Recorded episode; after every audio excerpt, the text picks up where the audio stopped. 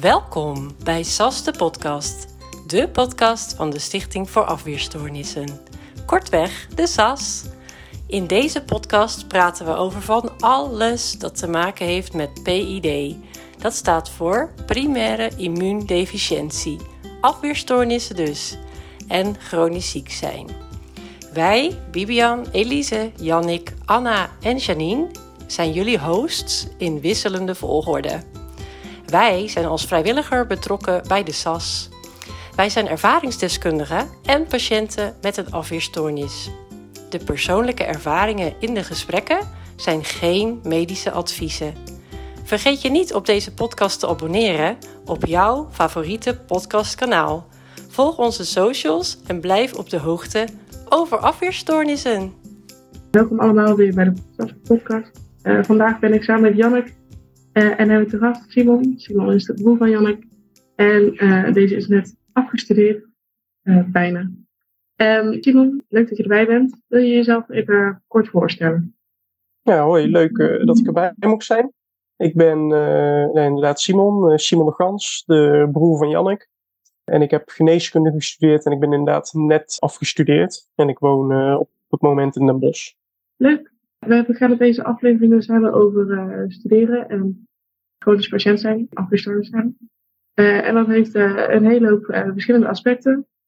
Laten we beginnen bij misschien een klassiek verhaaltje van studeren en chronisch ziek zijn. Heb je misschien nog voorbeeld? Jannik?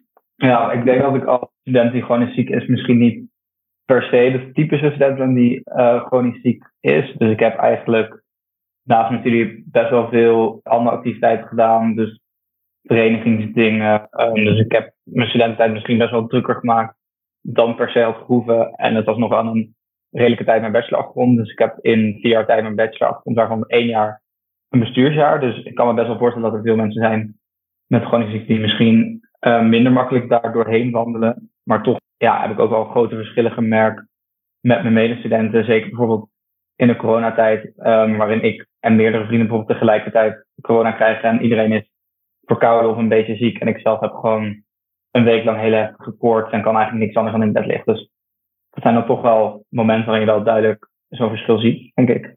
Ja. Simon, heb jij die ook ervaren? Ja, ja ik denk dat Janneke al nog meer de, de echte student was als ik qua uh, feesten en dat soort dingen. Want ik heb vooral gemerkt dat als ik uh, naar feesten ga of uh, dat soort dingen, dat ik ja, dan gewoon heel lang daarvan moet herstellen. dit was dan dus wat dat betreft is mijn studententijd wel, denk ik, minder de klassieke geweest. Als in dat ik gewoon veel minder sociale activiteit heb gedaan. Uh, maar ik heb dan bijvoorbeeld wel weer andere taken naast mijn studie gedaan die ook niet veel mensen doen. Ik heb zelf denk ik wel, uh, ik heb tijdens mijn bachelor ben ik een half jaar ziek geweest. Dus ook echt gelijk een half jaar vermist en uh, gelegen. En dan was wel even dat je dacht, oh ja, ja, nee, dit is niet handig. Dat je dan, toevallig zat ik in een jaar waar ik op zich wel een beetje kon knippen en plakken met mijn studieprogramma. Maar als ik dit in mijn eerste jaar had over uh, meegemaakt, dan had het wel heel lastig gemaakt voor mijn studie. Ben je ook lange periode ziek geweest? Ja, ik ben wel vaker langere periodes ziek geweest. Maar ik moet zeggen, ik, heb niet zo'n hele fanatieke bachelor gedaan, zeg maar. Dus niet per se dat het heel makkelijk was, maar ook niet de universiteit waar ik op zat. Uh, mag je bijvoorbeeld alles herkanten en heb ik dat niet per se nodig gehad eigenlijk niet nodig had, maar in ieder geval, het is niet of je bij ons heel veel tentamenmomenten had. Dus zeg maar vier keer per jaar of zo. Dus in dat opzicht ben ik al langere tijden ziek geweest, maar gelukkig wel op de momenten waarop dat ook kon. En niet op de momenten waar ik wel echt examenmomenten had. Dus in dat opzicht heb ik daar eigenlijk heel veel geluk mee gehad. Je kan het jou... zijn, uh, tactisch uitplannen. ja, ja, gewoon ziek zijn is plannen. Nee, en um, wat ik me ook afvraag is, want ik weet wel bijvoorbeeld vrienden van mij die zijn bijvoorbeeld ook langdurig ziek geweest tijdens hun studie. En die hebben daar ook echt bijvoorbeeld een regeling voor gekregen dat ze dus uh, maandelijks extra geld krijgen voor het feit dat ze um, dus ook langer moeten studeren. Dus dat krijg je dan gewoon gratis van Duo, dat niet eens een lening of zo. Heb jij ook zoiets kunnen aanvragen, Bibian? Ja, ik heb een uh, half jaar gemist. En toen ben ik naar de decaan gegaan. Want uh, het lullige is, je plant niet om een half jaar eruit te liggen. Dus je gaat niet je studie stopzetten en dan weer aanzetten. Dus eigenlijk dus speel je een soort van je studiefinanciering die je op dat moment hebt. En toen ben ik in gesprek gegaan met de decaan en dan kun je dus aanvraag doen voor uh, verlenging van je studiebeurs. Dus uh, normaal heb je vier jaar ik als je HBO doet. Uh, en die is bij mij een jaar verlengd. Dus ik heb een jaar extra studiefinanciering en een jaar lange reizen gehad. En in principe kun je dat via de decaan regelen. Dan kun je eigenlijk al krijgen voor dyslexie of andere leerproblemen. Maar in principe kun je gewoon met documentatie van je arts, dat is eigenlijk al voldoende. En dan, ja, het komt wel echt heel erg uit. Je bent er gewoon aan het studeren. En Simon, heb jij ook gebruik gemaakt van speciale regelingen of extra begeleiding gehad tijdens je studie, omdat je dat misschien nodig had of doordat je daar aanspraak op kon maken vanwege ziekte? Ja, ik heb niet echt financiële hulp of iets dergelijks gehad. Mijn studie geneeskunde die ik heb gedaan, die duurt zes jaar. En ik heb hem ook gewoon uh, ja, binnen de termijn van zes jaar afgerond. Maar waar ik wel van heb gebruik gemaakt is een preferentielocatie. Omdat je bij de studie geneeskunde in je laatste drie jaar kooschappen loopt. Dus dan moet je bij heel veel ziekenhuizen mee stage lopen. Ja, en als je vanuit Nijmegen studeert, kan dat zijn van Tilburg helemaal tot aan Winterswijk. Dus dat is echt wel een groot traject. Uh, waarbij het bijvoorbeeld vanaf Den Bosch naar Witswijk helemaal niet te bereizen valt. En bij mijn studie was het dan zo dat je met een studieadviseur een rekening kon aanvragen dat je dan dichter bij huis zat. Wat voor mij betekende dat ik niet zulke afstanden hoefde te reizen.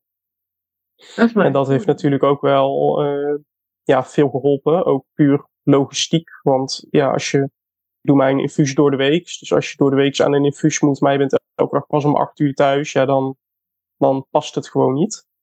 Um, dus dat heeft wel veel geholpen, dat ik niet zo ver weg hoefde. Doen jullie eigenlijk ook allebei thuisinfusen? Ja. ja, ik moet zeggen dat ik die thuisinfusen op een gegeven moment natuurlijk op kamers gegaan. En dat is wel een voordeel, dus dat is misschien wel wat ik ook zeker wel op meerdere momenten heb gemerkt. Ik zat op kamer in Tilburg, vrijdag bij Den Bosch. Dus het is bijvoorbeeld heel makkelijk om naar huis te reizen voor een infuus, maar het is ook heel makkelijk om als ik ziek was, kon mijn ouders heel makkelijk langskomen of boodschappen brengen en dat soort dingen doen. Dus ik was op kamers gegaan in Leiden of Groningen. Dan was het natuurlijk al veel minder vanzelfsprekend geweest. Want Tilburg en Bos ben je gewoon in een uur weer terug bij wijze van spreken. Dus dat is misschien wel met de chronische ziekte denk ik dat je prima op kamers kan gaan. Maar je kan misschien niet zo ver als andere mensen op kamers gaan. Ja. Zijn jullie ook van uh, huisarts gewisseld? Want jij bent op kamers gegaan? Janne? Nee, ik moet zeggen dat ik me ook echt een maand geleden pas heb ingeschreven Overigens, als een gemeente meeluidt, dat is gewoon legaal. Want mhm. heel veel mensen denken dus dat dat niet mag, maar dat mag dus wel gewoon. Want als je alle vakantiedagen bij je ouders bent, dan ben je langer bij je ouders dan op je kamer en dan is het gewoon legaal. Dat is een soort van ah. loophole. Um, dus ik ben echt pas sinds een maand ingeschreven, maar ik ben ook niet van plan om van huiswerk te wisselen, want ik hoor dat je echt bijna niet iemand kan vinden of zo. Dus ik heb ook niet echt zin om die moeite erin te steken, aangezien het ook niet echt nodig. Ik heb ook uh, heel lang mijn huisarts bij mijn ouders gewoon fijn vond om een huisarts te hebben die mij kent. En dat ik daar en dan zeg hoi, dit is het probleem. Dan zeggen ze, ah, is goed, doen we zo. In plaats van dat je dan een huisarts hebt die dan, mij dan je hele levensverhaal weer opnieuw uit moet hebben. Ja, nou vind ik wel dat de huisarts die ik heb, denk ik wel dat qua patiëntenkennis het op zich wel makkelijk beter zou kunnen. Dus ik heb niet het idee dat als ik een nieuwe huis heb, dat die autonomie of zo dan per se minder zou worden. Mhm. Maar ik snap inderdaad wel wat je zegt. Veel plekken bewoond tijdens mijn studie. Dus veel gewisseld. Dus ja, ik vond huisarts dan niet prettig om steeds mee te wisselen. Want het is toen een stukje. Je hebt en niet altijd de keuze om een fijne huisarts te hebben, want er is gewoon een beperkt aantal. Um, dan moet je en je levensverhaal weer opnieuw uitleggen. Wat bedoel. Um, en die, ik heb altijd een beetje het idee dat ze in het begin niet helemaal geloven als je met klachten aankomt. Dat je dan eerst nog drie keer heel erg ziek moet zijn en ze zeggen, ah ja, nee, nu geloof ik wel. En daar, daar heb ik er. Ja, nou heb ik natuurlijk allemaal geen psychologie gestudeerd, maar toevallig doe ik nu een master die ook psychologie-studenten doen. En heb ik geleerd dat blijkbaar mensen van tevoren een soort van denkstructuur hebben en dat zeg maar nieuwe informatie daarin wordt geplaatst. En ik denk wel zeker onze leeftijdsgroep hebben de meeste huisartsen natuurlijk de denkstructuur dat die jongeren gezond zijn en niet zo snel ziek zijn, et cetera. Dus mhm. het is voor hun ook buiten hun bewustzijn om moeilijk om dan zo'n patiënt te plaatsen in een categorie, oh, die is ziek. Omdat zij dus met hun, dus ergens kunnen ze er ook niet zo heel veel aan doen, maar het is natuurlijk nee. een beetje slecht. En wie jullie trouwens, uh, de classics vind ik ook wel. Ik uh, sprak laatst iemand die zei, die had een groep studenten voor zich en die zei, uh, oh, ja, eentje was echt aan de pikkenbol, die viel bijna weg. die zou gisteravond al gefeest hebben. Maar toen dacht ik, ik heb ook echt wel eens in een collegejaar gezeten, pikkenbol omdat ik wegviel. En daar was wel een enkele keer bij dat ik ging stappen, maar zoveel heb ik niet gestapt tijdens mijn studententijd. Niet voor mijn colleges. Maar ik, eh, ik had af en toe wel als een slechte nachtrust dat gehad. Als ik half ziek was geweest in dat ik in college had. Ik ik ben aanwezig, maar er is wel een beetje alles mee gezegd. Hebben jullie die ook uh, gehad? Ik moet zeggen dat ik daar eigenlijk niet zo heel veel uh, last van heb gehad. Vooral omdat ik het toch een beetje het geluk heb, soort van, dat mijn, uh, ja, mijn immuunstoornis zich vooral uit op mijn darmen. Dus mm. dat dat qua mijn energieniveau wel minder doet. Dus dat ik gewoon niet zo vaak ziek ben. Dus dat het dan best wel steady gaat. En dat ik dan ook merk van nou, in die colleges gaat het wel. Maar ja, ik moet inderdaad ook niet te vaak gaan stappen. Want dan zit ik wel de volgende dag uh, of de volgende drie dagen zeker zo in de collegezaal. Ja. En jij Jannik? Ja, ik merk wel, ik heb bijvoorbeeld heel erg de neiging, zeker als ik vroeg op moet staan, om dan heel veel te gapen. Nou weet ik niet of dat komt omdat ik dan gewoon ziek ben of dat het gewoon aan mezelf ligt. Maar um, dus dat kan natuurlijk best wel onbeschoft van mensen overkomen dat ik er echt niks aan kan doen of zo. Want heel veel mensen associëren dat natuurlijk met verveling of zo. Maar ik ja, kan er niks aan doen. Dus dat merk ik wel. Ja. En over infusie gesproken, want volgens mij hebben wij alle drie infusie. Simon, jij bent overgestapt van intraveneus naar subcutaan. Zou je daar wat over willen vertellen? Uh, ja, dat klopt. Ik ben, uh, ik denk ondertussen vier of vijf jaar terug, zoiets al, overgestapt. Uh, omdat ik vooral heel veel last had van de schommelingen van een intraveneus infuus. Dus ik was echt twee dagen of drie dagen van tevoren al ja, heel moe. Dan kreeg ik mijn infuus en dan had ik twee dagen, weet ik, was ik net zo moe, maar dan had ik ook hoofdpijn van. Nou, en dan daarna trok ik bij. Uh, en ik kreeg toen al om de twee weken infusen vanwege die schommelingen. En zelfs toen had ik dus ja, nog bijna een halve week er last van. En wat daar nog bij kwam, is dat ik uiteindelijk van de infusie elke keer uh, aderontstekingen kreeg. Dus bij mijn, als ik aan het infuus zat, werd echt mijn ader in het hele verloop tot in mijn schouder rood, warm en pijnlijk. Dus toen heb ik dat overlegd met mijn immunoloog en toen hebben we toch besloten van nou dan gaan we naar die buikinfusie.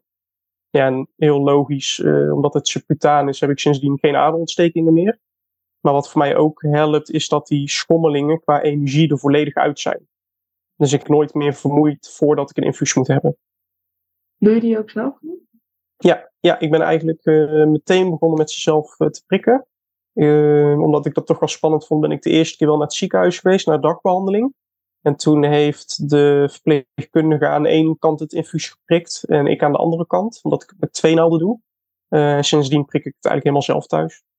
Even, je bent geneeskundestudent, in principe zijn ook intraveneus jezelf voor de nou, het mag wel. Mijn, de thuiszorgverpleegkundige die me eerst dan ook mijn infusie prikte, die heeft dat ooit zelfs wel eens geopperd.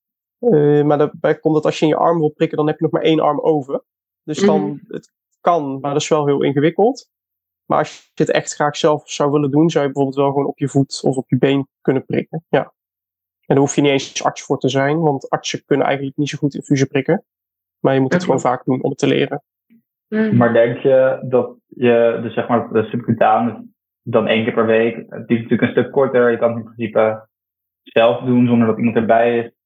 Denk, vind je dat een handig in combinatie met bijvoorbeeld studie of speelt dat geen rol verder? Ja, ik denk dat het wel echt heel veel voordelen heeft, omdat je het inderdaad zelf kan doen. Dus je bent niet afhankelijk van een verpleegkundige die in principe toch tijdens kantooruren komt. Dus ik doe het eigenlijk bijvoorbeeld altijd op woensdagavond. Nee, en als het een keer niet uitkomt, net zoals nu heb ik vakantie, dan doe ik het in de ochtend. Of je kan het helemaal zelf ja, bepalen. Dus dat geeft wel veel meer vrijheid. Ja, ik heb ook een broer die ook subcutaneus kan doen. Maar die uh, vond het vervelend om, um, omdat je dus die schommeling meer hebt, dan heb je niet het gevoel dat je het erg onderdient natuurlijk. Dan, of in ieder geval, dan voel je niet dat je het nodig hebt. Uh, en die flexibiliteit kan me ook wel voorstellen dat het juist ook wel een drempel is. Want dan, dan doe ik niet vandaag, dan doe ik het morgenavond wel. Uh, of heb je er niet zo last van. Ik kan me het wel voorstellen inderdaad, dat je er een soort uitstelgedrag uh, van krijgt. Maar ik heb daar dan weer geen last van, omdat ik ja, voor mezelf gewoon echt wel een routine erin heb. Ik doe de infusie inmiddels al 13 jaar ongeveer. Mhm. Ehm, nou, dat was altijd, eerst was het vast op de donderdag. Nou, nu ben ik het dan vast op de woensdag gaan doen, omdat dat beter uitkwam met sport. Dus ja, het is gewoon elke woensdagavond doe ik het. Punt. En ik switch eigenlijk ook nooit dat ik in de vakantie zeg ik doe het een keer op dinsdag of donderdag. Het blijft altijd gewoon de woensdag. Heeft je dan ook Ja. vrijheid als je op vakantie gaat? Dat je dan mee kunt nemen en zo? Ja, dat doe ik dan weer niet. Ik neem een infusie niet mee eh, op vakantie, omdat ik dat dan wel weer een drempel vind om dan ja, te regelen dat ik al die spullen mee moet nemen.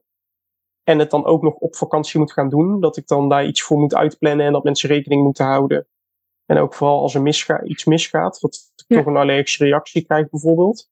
Dus wat ik dan altijd doe, is dat als ik op vakantie ga, dat ik het dan toch een keer intraveneus doe. Oh, En dan eh, bijvoorbeeld, net zoals eh, komende week, komt dan toch de thuiszorgverpleegkundige weer een keer langs. Dus dat is ook eh, heel flexibel. ik wist eigenlijk helemaal niet dat dat zo flexibel kon. Nou, dat chill. Ja, ja, nee, ik heb dat zo afgesproken eh, met mijn immunoloog. Die vond dat ook ja, een goed idee. En omdat wij toch eh, dan voor Jannik hier een infuuspaal thuis hebben staan, hoeft er verder ook niks geregeld te worden. Dus dat maakt het natuurlijk ook wel veel makkelijker. Want Mhm. anders zou je bijvoorbeeld moeten regelen dat je toch een dagopname hebt in het ziekenhuis of dat alle spullen thuis geleverd worden. En nu kan Ja. ik bij wijze van spreken zeggen, oh ik doe het morgen en dan doen we het. Fijn. Misschien ehm, ook nog een interessante vraag, want Bibian, jij hebt als het goed is eerst HBO en later Unie gedaan, toch? Ja. Heb je veel verschil gemerkt? Want ik kan me voorstellen dat bij HBO natuurlijk meer persoonlijke begeleiding en toezicht en ja, meer contacturen en zo is. Heb je dan verschil gemerkt in bijvoorbeeld dat je zegt, oh, ik vond bij HBO dat die begeleiding beter aansloot op chronisch ziek zijn, of juist ik vond het fijne van de Unie dat je minder contacturen hebt, dus dat je misschien dat juist makkelijker kan combineren met chronische ziekte? Ja, er zit wel een verschil in. Eh, HBO heb je inderdaad wel meer begeleiding. Dus HBO heb je mentor en die zie je ook eh, nou, enigszins regelmatig, afhankelijk van welk jaarlaag je zit. Maar die zie je regelmatig die is ook op de hoogte van wat er in jouw speelt. Dus mijn mentor op mijn HBO die heeft eh, ook wel echt eh, veel ins en outs van mijn ziek zijn meegekregen. Eh, en op de Unie krijg je een mentor aangewezen. Daar ben je dan verplicht een keer een mail naar te sturen. Maar als er niks is, dan zie je die de rest van je studie ook nooit, zeg maar. En dan word je eigenlijk meer geadviseerd om naar een studieadviseur te gaan. En die, ja, die is voor iedereen. Dus daar zit wel een verschil in. Bij mij is dat ook wel het grootste verschil dat ik tijdens mijn HBO ziek ben geworden. Dus daar heb ik ook wel wat meer begeleiding nodig gehad. En ik had heel uh, kortstondig direct contact met haar. En daardoor kon ze ook veel voor mij betekenen. Op de Unie vond ik het juist ook wel fijn. Ja, ik vond het in het begin heel erg spannend dat ik dat niet had. Want ik dacht, wat als? Dan, ja, dan gaat alles gebeuren, zeg maar. Maar daar heb ik juist zelf contact opgenomen met studieadviseur om dat uit te leggen van nou, dit en dit is gaande in mijn leven. Ik ga ervan uit dat er niks aan de hand gaat zijn, maar dan weet je dat vast. Want je krijgt, je hebt gewoon vaak gezegd met als er iets wel gebeurt, je vertelt dan pas van oh ja, ik heb dit en dit en dit. Zeg je, ja, dan is makkelijk terugpraten achteraf. Maar als je dan van tevoren zegt, yo, heb dit en dit en dit, ik verwacht niks dat er gaat gebeuren. Maar dan weet je het vast. En als er dan iets gebeurt, dan zeg je, haha, gebeurt er toch iets? Dan weet ze vast dat er iets is. Als je een beetje begrijpt wat ik bedoel. Ja, nee, dat is ook zeker waar. Uh, bij onze faculteit op mijn unie is het inderdaad het beleid dat als dus nou, persoonlijke omstandigheden, als je die hebt, dan moet je inderdaad ook van tevoren aangeven. En dan als het ja, dan misgaat of zo, dan heb je best wel veel recht. Maar inderdaad, als je dan pas achteraf uh, aan de bel trekt, dan heb je eigenlijk nergens meer recht op. Dus dat is misschien wel voor de luisteraars een handige tip van geef op tijd je persoonlijke omstandigheden aan, want achteraf heb je er eigenlijk niks meer aan om het te doen. Nou ja, het kan veel studies hebben een uh, decaan of studieadviseur die dan niet zo weinig met je studie zelf te maken hebben. Dus daar blijf je wel lekker anoniem, dat je docent het niet per se hoeft te weten. Uh, en je, ja, je hebt ook een mentor, die kan het ook vertellen. En je kunt ook vragen aan je mentor of die met je docent praat als je het zelf niet wil.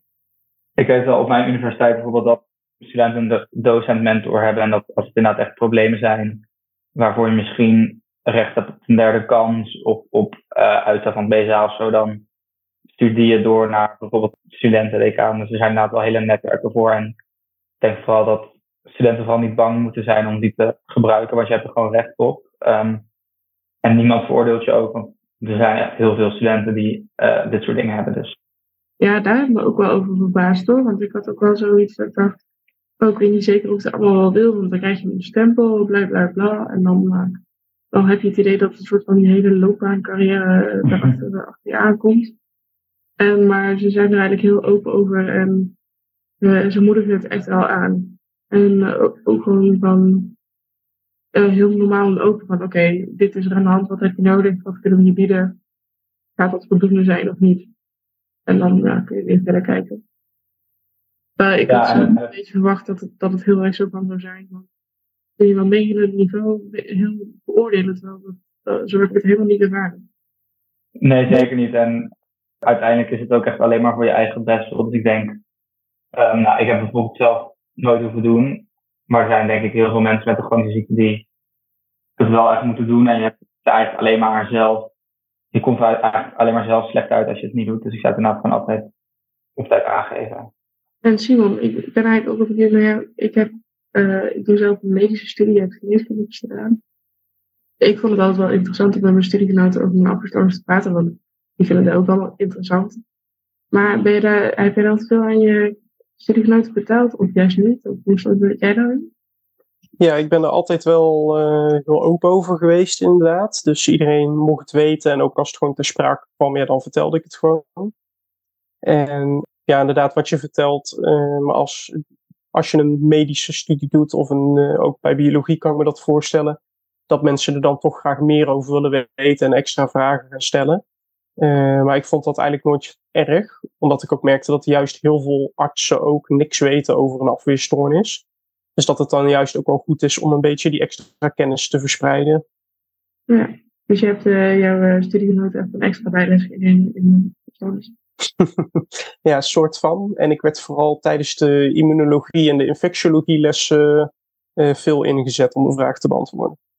Ja, ik bedoel, we hadden het natuurlijk net ook over um, hoe huisartsen misschien helemaal niet eens zelf doorhebben dat ze onbewust misschien nog niet serieus nemen of zo. En ik denk juist inderdaad als mensen zo'n studie doen en misschien niet ziek zijn en in ieder geval er open over zijn tegen de medestudenten, dat dan in ieder geval de toekomstige huisartsen er misschien wel uh, meer voor openstaan om te beseffen dat ook jonge, gezond uitziende mensen best ziek kunnen zijn. Ja, wij doen vanuit de Stichting van Apostels ook uh, studenten patiënt bij. Gaat uit UMC. Uh, en dan gaan wij als patiënt in gesprek met eerst een tweedejaars geneeskunde en biomedische wetenschapsstudent. Dus die krijgen dan iets te horen van ons. En ieder jaar denken we, yes, we eigenlijk andere studenten die dit ook weer. um, dan hebben we het al even over kamers, op kamers gewonnen gehad.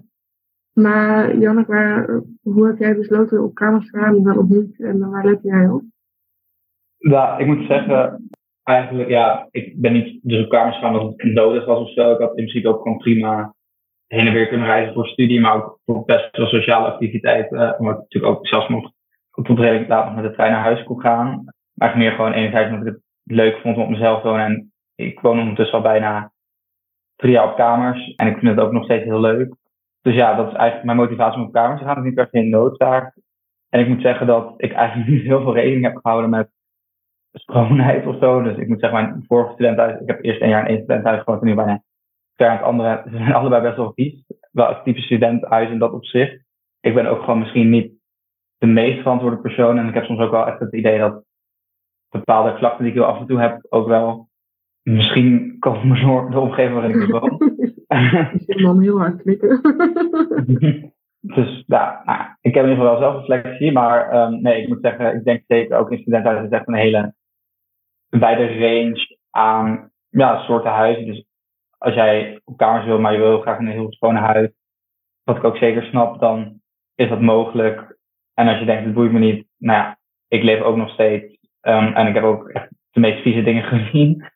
En ik ben al heel veel schimmels tegengekomen. Dus ja, het is misschien zeker voor sommige mensen die ook misschien heftige afweerstoornissen hebben. Of ja, misschien minder goed registreren zijn. Of zo, misschien heel goed om naar rekening te houden. En dat kan ook echt. En je kan natuurlijk ook gewoon in een studio op kamers gaan. En dan weet je zeker dat je het zelf in de handen hebt. Ja. En het is bijvoorbeeld ook altijd heel goed om gewoon duidelijk afspraken te maken met je huisgenoten. Want um, wat ik bijvoorbeeld wel doe, we hebben soms mensen die echt met de tendency hebben om met hele agressieve schoonmaakmiddelen of zo schoon te maken. Nou, ik weet gewoon dat mijn longen daar gewoon van gaan branden, zeg maar. Dus dat heb ik wel gezegd van, joh, doe dat niet meer. Dus het is dat op zich ook gewoon belangrijk om goed te communiceren Ja, met je huisgenoten. Ja, maak het bespreekbaar. Ja, ik had zelf eh, dat ik het reizen op een gegeven moment te vermoeiend vond. Dus je, wil- zeg maar, je bent best wel een aantal uren per dag aan het reizen als je wat verder weg moet. Dus dat vond ik op een gegeven moment wel een ding. Maar toen ik op kamers ging, heb, ik- hield ik eigenlijk niet echt rekening met mijn afwisselers. Maar ik vond het zelf wel prettig om in een semi-schoon huis te wonen. Ik kan niet zeggen dat alleen tenthuizen waar ik gewoond heb, dat dat even schoon was allemaal. Maar eh, allemaal relatief schoon. eh, iedereen hield zich wel aan schoon rooster. En uh, dat werd soms wel eens vergeten, dan werd het een dag later gedaan. Ga je niet dood van, zullen zeggen. En Simon, jij hebt niet gekozen om kamers te gaan, bewust of gewoon eh niet van gekomen? Eh, ja, tijdens mijn eh, bachelor had ik er meer geen behoefte aan. Dat ik dacht, ik vind het eigenlijk wel prima om thuis te wonen. En tijdens mijn master heb ik er wel over nagedacht. Maar ja, omdat ik kooschappen ja, eigenlijk over een toch wel breder traject. Ik zat dan in, voornamelijk in Tilburg, Den Bosch of Nijmegen. Toen dacht ik, ja, dan kan ik wel in Nijmegen gaan wonen. Maar dan, als ik dan naar Tilburg moet, ben ik alleen maar nog verder aan het reizen. Dus daarvoor heb ik het toch gekozen om dan thuis te blijven. En ik, ja, ik denk vooral dat het ook goed is om voor jezelf een afweging te maken wat je belangrijk vindt. Net zoals wat Janneke zegt, uh, van ja, ik vind het niet erg om in een vies studentenhuis te wonen. En dan weet ik dat ik toch af en toe vaker ziek ben. Maar ja, als dat het voor jou waard maakt, ja, waarom zou je het dan niet doen? Ik vond het uh, stapavonden ook wel. Dat ik af en toe wist dat ik dacht, in de tijd dat ik nog in de kroeg mocht roken, dat was niet heel lang, maar daar heb je dan toch altijd wel last van. Dan dacht ik altijd van, denk, mm, misschien dat ik niet ziek van word. denk mm, ja, is me wel waard. Dat zijn Ja. de risico's die je dan neemt. Ja, Ja, precies. en ik denk ook wel, gewoon bij Simon, dat dat ook meespeelt. Zijn kamer is echt acht keer zo groot als die van mij. Dus Ja, het is wel, ik heb thuis denk ik 35 vierkante meter slaapkamer. Ehm, Nou, Jannik misschien eh, acht. Dus wat dat betreft zit ik ook wel goed en heb ik heel veel ruimte. Eh, en ook inderdaad wat jij zei over het stappen. Ik heb ook wel eens, als ik dan ging stappen, dat ik dan gewoon zorgde dat ik op vrijdag ging stappen en zaterdag en zondag niks had. Eh, omdat ik wist van, nou dan kan ik weer genoeg uitrusten voor de volgende week. Dus ja, dan is het echt plannen en afwegen of je dat het waard vindt of niet. Ja. Maar dan kan je wel je eigen keuzes maken. En eh Janneke, had, volgens mij had jij dat ook heel erg, dat eh, het plannen van je ziek zijn, dat je voelt dat het ziek worden aankomt en dat je dan denkt, oké, even daar wat rust plannen. Dan... Ja, klopt. Nee, het is en ik denk dat dat ook wel iets is wat je ook gewoon leert. Zeker als je natuurlijk gewoon geboren wordt met een afweerstoornis. Is wel situatie van trial and error. Maar uiteindelijk dan voel je ook gewoon heel goed wanneer iets aankomt. En dan kan je denk ik ook heel vaak gewoon op tijd ingrijpen met medicatie en zo. Dus dat denk ik ook gewoon iets wat je door de tijd wel leert. En zeker ook het plannen. Ehm, ik ben er wel actief bij een vereniging en zo. En ik merk van ja, ik kan niet evenveel doen als andere mensen. En het vergt gewoon iets meer nadenken in dat opzicht. Dus ik heb ook al heel vaak gemerkt dat ik dan toch ging, ondanks dat ik de dag naar infuus had, bijvoorbeeld, en dat ik dan gewoon heel vroeg naar huis ging en dat ik eigenlijk helemaal niet per se leuke avond had, omdat ik gewoon veel te moe was. Dus ik denk dat je naast je chronische ziekte en naast je studie heel veel leuke dingen kan doen, maar ja, het vereist gewoon iets meer voorbereiding en planning. Vergeleken met gezonde mensen. Ja, en het is wat je zegt ook eh, leren, want de volgende keer dat je dan denkt, van gaan, dan denk je, ja, maar ik ga het toch niet leuk hebben, ik ben toch niet. En dan kun je dat voor jezelf inschatten. Over de, eh, de dingen die je doet tijdens je eh, studie. Wat, wat heb jij allemaal gedaan, Simon? Ehm, in de bachelor heb ik eigenlijk niet zo heel veel naast mijn studie gedaan. Heb ik gewoon een studie gedaan en dat was het. Eh, maar in mijn master heb ik, ben ik begonnen met een onderzoekstage voordat ik eh, aan mijn kooschappen ben begonnen. En dat is toen uiteindelijk omgezet eh, in een promotietraject. Dus eh, om een PhD te halen. En dat heb ik de rest van mijn master langs mijn kooschappen heen gedaan. Oh, nice man. Dat is wel gaaf.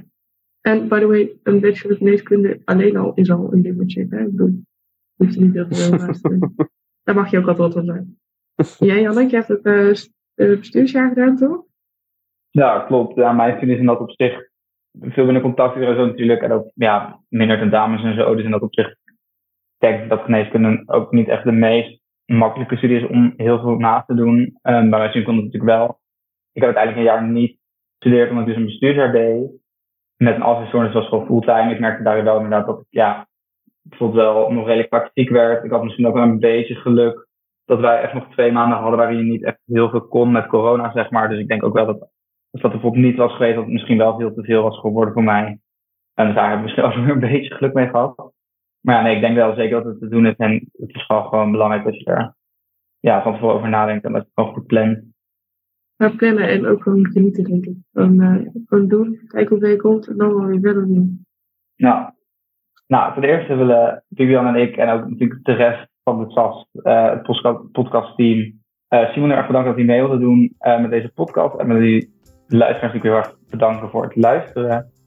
En binnenkort komt er ook een podcast over werken, dus dat is ook interessant om te luisteren. Um, en nog heel veel leuke andere podcasts. Yes, dus tot de volgende podcast.